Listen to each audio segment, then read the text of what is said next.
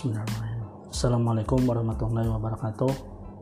Ketemu lagi kita di perkuliahan kimia anorganik logam.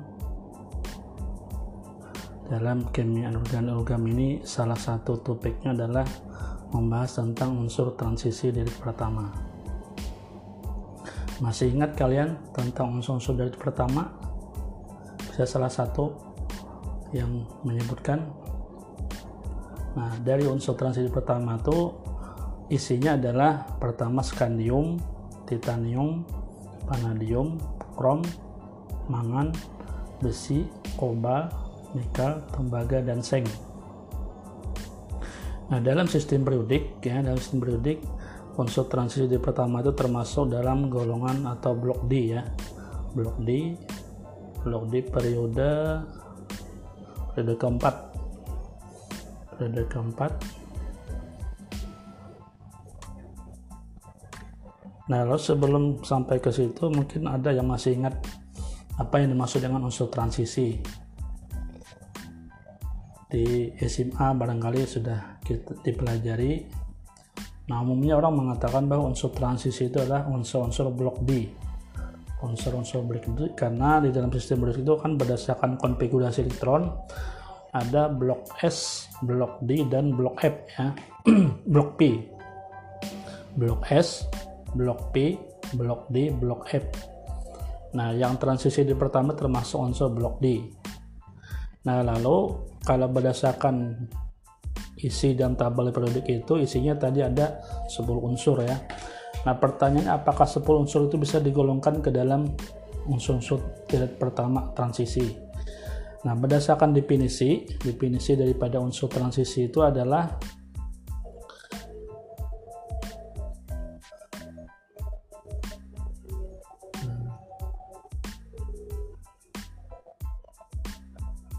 Nah, unsur transisi itu adalah unsur yang konfigurasi elektronnya itu berakhir pada subkulit D.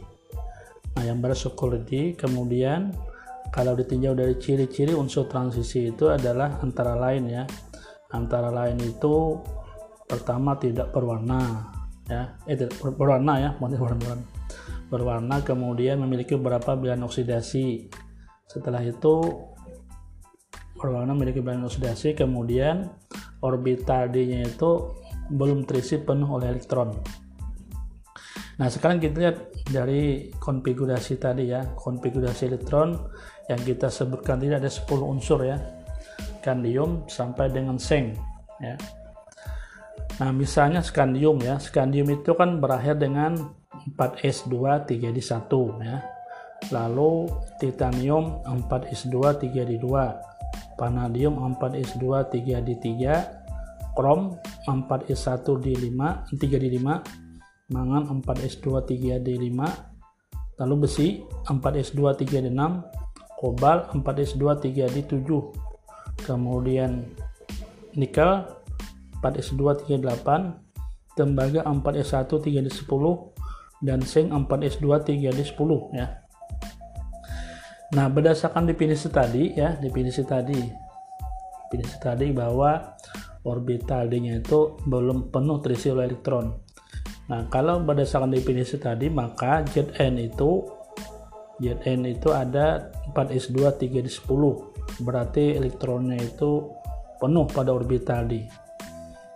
Nah, akibat dari itu maka berdasarkan definisi maka Zn tidak bisa dimasukkan ke dalam unsur transisi.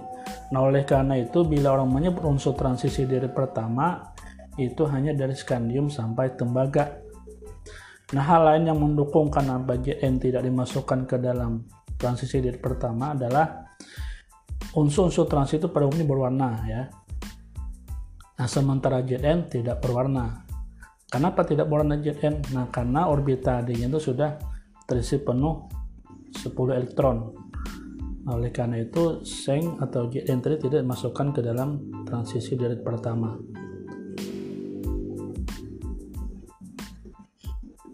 Habis kan belum lagi.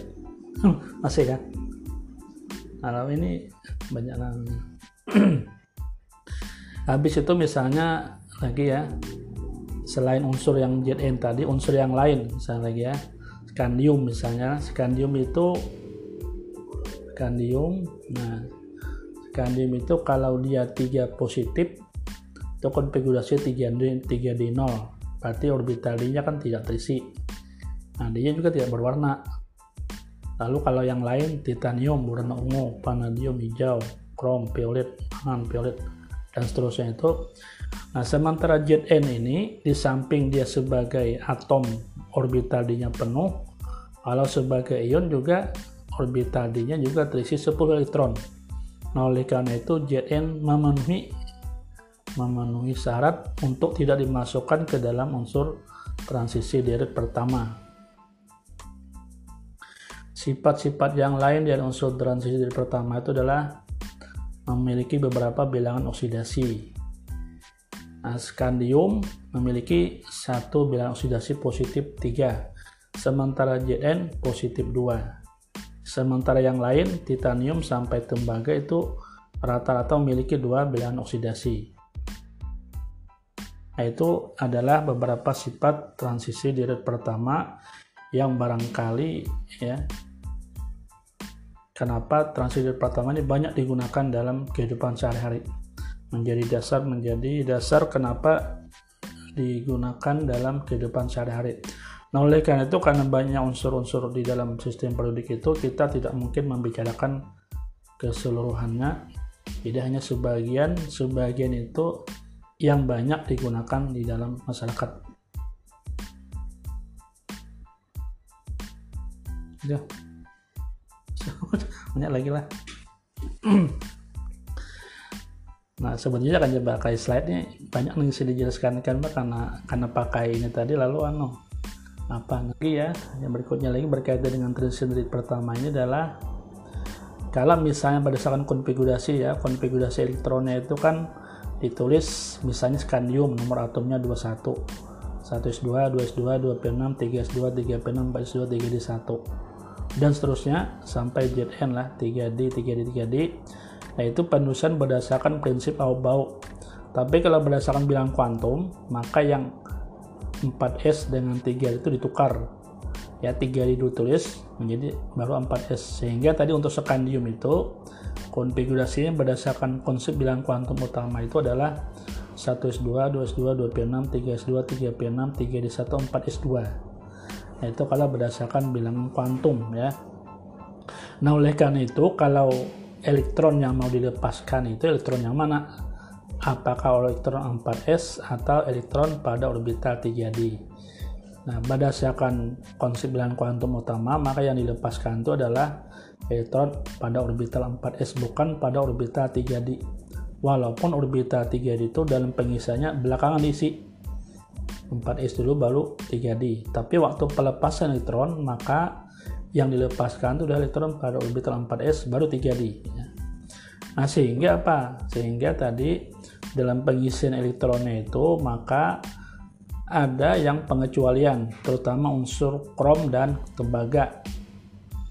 Krom kalau berdasarkan prinsip Aubau kan itu adalah 4S2 3D4 lalu ditulis menjadi 3D5 4S1 lalu tembaga 4S1 3D10 menjadi itu 3D 4S2 3D9 menjadi 3D10 4S1 nah sehingga kalau dia melepaskan elektron maka yang orbital pada 4 elektron pada orbital 4S yang terlebih dahulu dilepaskan Nah, kenapa seperti itu? Karena untuk krom dan tembaga itu berlaku aturan konsep atau penuh dan setengah penuh ya pada orbital di menurut teorinya itu bahwa orbital D itu akan stabil kalau diisi separuh atau penuh ya separuh atau setengah penuh atau penuh elektron pada orbital D. Nah, oleh karena itu krom dan tembaga itu menyalahi atau menyimpang dari aturan pengisian untuk unsur-unsur yang lain dalam periode yang sama.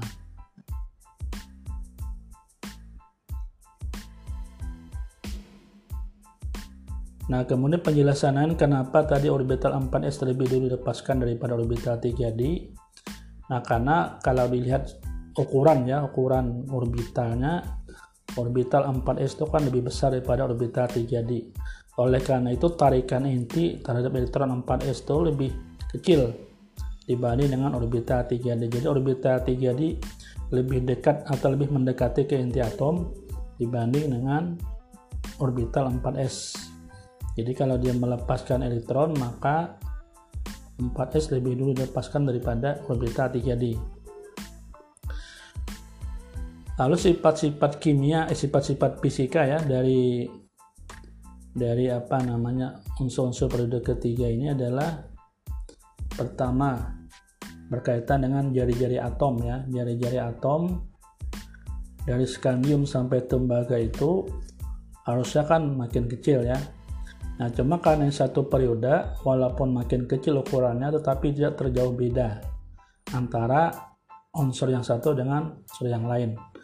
Lalu ini membawa dampak. Dampaknya apa? Dampaknya jadi yang kecil yang kurang lebih sama ini adalah unsur-unsur transit itu bisa di, dibuat campuran. Kita mengenal ada namanya misalnya uh, perunggu misalnya ya, atau yang lain-lain itu. Nah itu yang dikenal dengan logam alloy. Stainless steel misalnya itu adalah sesama logam transisi Nah, itu kenapa bisa digabung seperti itu? Karena jari-jari jari-jari atomnya itu adalah kurang lebih sama, tidak terlalu jauh beda antara satu dengan yang lain. Jari-jari atom maupun jari-jari ion. Lalu titik leleh ya, titik leleh daripada unsur transisi ini besar di atas 1000. Nah, semakin ke kanan dalam periode yang sama itu semakin kecil. Yang paling besar adalah titanium titiknya 1680 tembaga 1083 jadi di atas 1000 nah manfaatnya apa atau dampaknya daripada titik yang tinggi ini? Dia bisa sebagai katalis ya. Karena katalis salah satu syarat katalis itu adalah harus tahan terhadap suhu yang tinggi. Jadi oleh karena itu transisi dari pertama ini bisa digunakan sebagai katalis. Kemudian kerapatan kerapatan elektron nah itu juga termasuk memiliki rapatan yang besar ya. 4,43 lalu 6,7 dan sampai 8,92 lalu potensial redox nah ini penting juga. Potensial redoxnya yaitu dari potensial redox itu kan adalah dari logam 2 plus atau 3 plus tambah 2 elektron menjadi logam. Atau dengan nama istilah adalah reduksi ya potensial reduksi standar Nah, itu tandanya negatif. Nah, kalau tandanya negatif berarti kan susah terjadi. Tapi kebalikannya akan positif. Berarti mudah terjadi. Jadi logam-logam transisi ini mudah membentuk ion bermuatan positif dibanding dengan ion bermuatan negatif.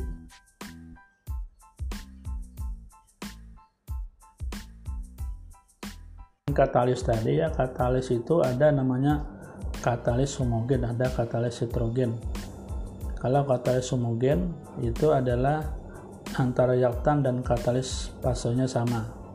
Sedangkan hidrogen antara reaktan dengan katalis fasenya berbeda. Nah, sebagai contoh di sini adalah yang homogen, misalnya SO2 tambah O2 tambah H2O menjadi asam sulfat dengan katalis gas NO dan NO2. Itu sama-sama gas. Nah, kalau katalis hidrogen contohnya adalah H2 tambah O2 menjadi 2H2O katalisnya adalah platina. Nah platina kan zat padat sementara yang lain adalah gas. Nah oleh karena itu hidrogen berarti berbeda fase antara reaksi dengan katalis. Kemudian dalam reaksi katalitik ya katalitik homogen biasanya peran katalis dikaitkan dengan yang pertama adalah pembentukan senyawa kompleks dan atau reaksi redox sementara katalis hidrogen umumnya reaktan dalam fase gas dan zatnya itu fase padat biasanya berperan atau dikaitkan dengan kemampuannya mengabsorpsi molekul-molekul gas reaktan baik secara PC sorpsi maupun kimi sorpsi. Nah, oleh karena itu banyak zat-zat unsur transisi itu digunakan sebagai katalis karena kemampuannya mengabsorpsi zat-zat yang lain. Baik nah, penutuplah